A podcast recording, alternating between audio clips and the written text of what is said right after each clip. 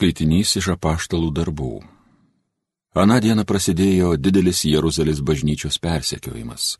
Visi išskyrus apaštalus išsisklaidė Judėjos ir Samarijos apylinkėse. Dievų baimingi vyrai palaidojo steponą ir labai jie praudojo. O Saulis tengiasi išnaikinti bažnyčią, naršydamas po namus, suiminėdamas vyrus ir moteris ir siūsdamas juos į kalėjimą. Tuo tarpu išblaškytieji keliaudami skelbė džiaugsmingąją naujieną. Taipogi Pilypas nuvyko į Samarijos miestą ir ėmė skelbti gyventojams Mesiją. Minios vieningai klausėsi Pilypo žodžių, nes ne tik girdėjo, bet ir matė daromus stebuklus. Iš daugelio apleistųjų, baisiai šaukdamus, pasišalindavo netyrosios dvasios.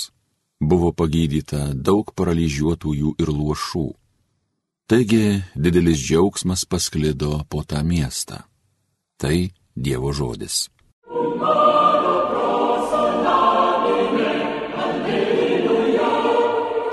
Visi pasaulio kraštai sveikinkit Dievą. Visi pasaulio kraštai sveikinkit Dievą, apie jo vardo didybę gėdokit, iškilmingai teikit jam šlovę, jūs Dievui kartokit o kokie tavo darbai stebuklingi. Visi pasaulio kraštai, sveikinkit Dievą. Tesilenkia, te gėda tau visa žemė, te garsina tavo jį vardą. Eikit ir žvelkit į Dievo darbus, kiek nuostabiausių dalykų žmonėms jis padarė. Visi pasaulio kraštai, sveikinkit Dievą. Sausumą pavertė jūrą, pervedi pėščius per upę, žavėtis juo turim, per amžius galingai jis viešpatauja. Visi pasaulio kraštai, sveikinkit Dievą. Alleluja, alleluja. Kiekvienas, kuris tiki sūnų, turi amžiną į gyvenimą, todėl aš jį prikelsiu paskutinėje dieną, sako viešpats.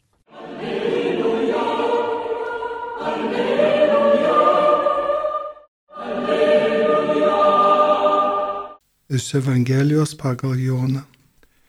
Jėzus atsakė, aš esu gyvybės duona.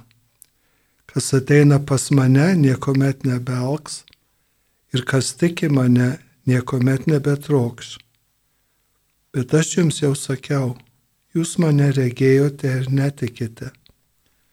Visi, kuriuos man duoda tėvas, ateis pas mane ir ateinančio pas mane aš neatstumsiu nes aš nužengiau iš dangaus vykdyti ne savo valios, bet valios to, kuris mane siunti. O mano siuntėjo valia reikalauja, kad nepražudyčiau ne vieno, kuriuos jis man pavedė, bet kad prikelčiau juos paskutinėje dieną. Tokia mano tėvų valia, kad kiekvienas, kuris regi sūnų ir tiki jį, turėtų amžiną į gyvenimą. Todėl aš jį prikelsiu paskutinėje dieną.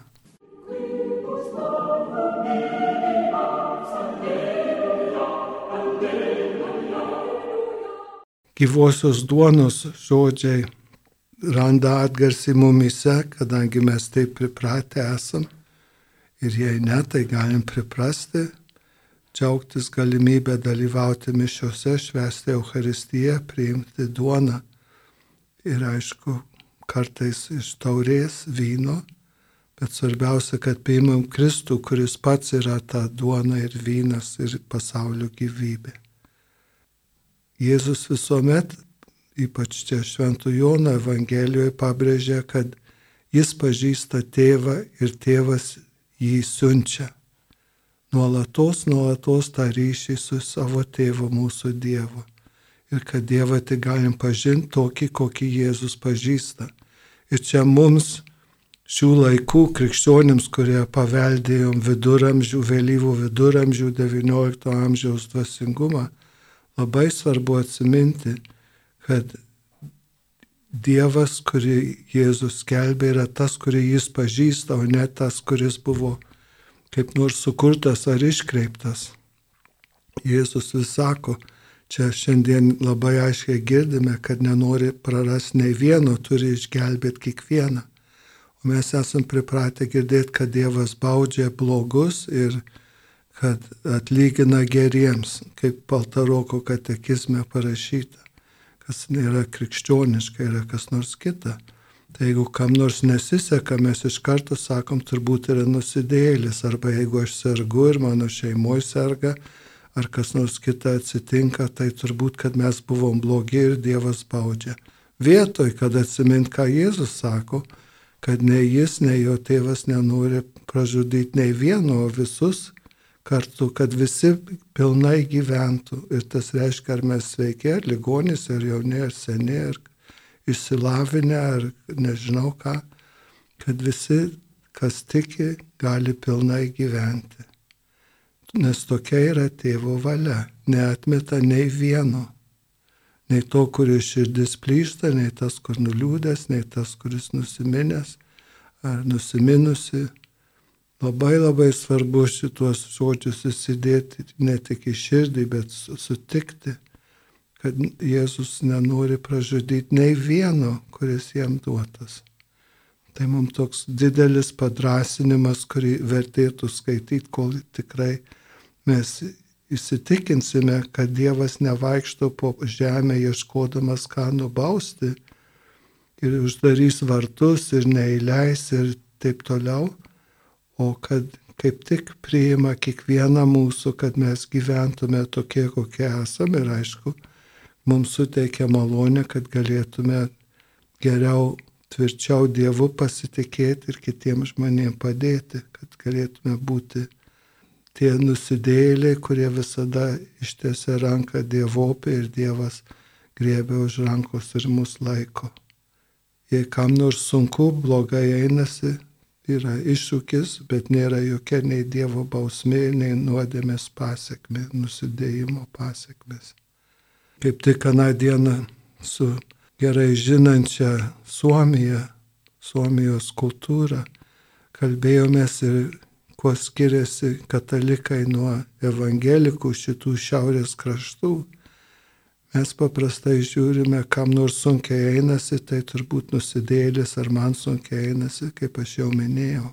Suomiai, kurie šventą raštą dar geriau už mus gali žinoti, arba liuteronai, jie supranta, kad gyvenime visko būna ir gero, ir blogo, ir sunkaus, ir lengvo. Vieniem vienaip, kitiem kitaip. Jeigu kam nors sunkiai einasi, tai nereikia žiūrėti kreivai, bet žiūrėti, kaip galim padėti.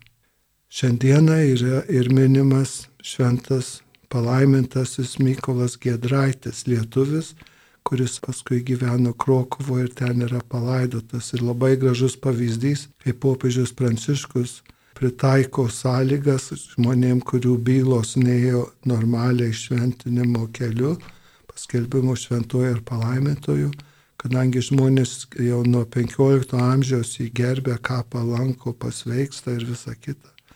Tai paėmė ir paskelbė į palaimintojų. Tai dar vienas iš lietuvių palaimintojų ir kaip tik mėnesio ketvirtą dieną, kaip ir Šventas Kazimieras kovo ketvirtą.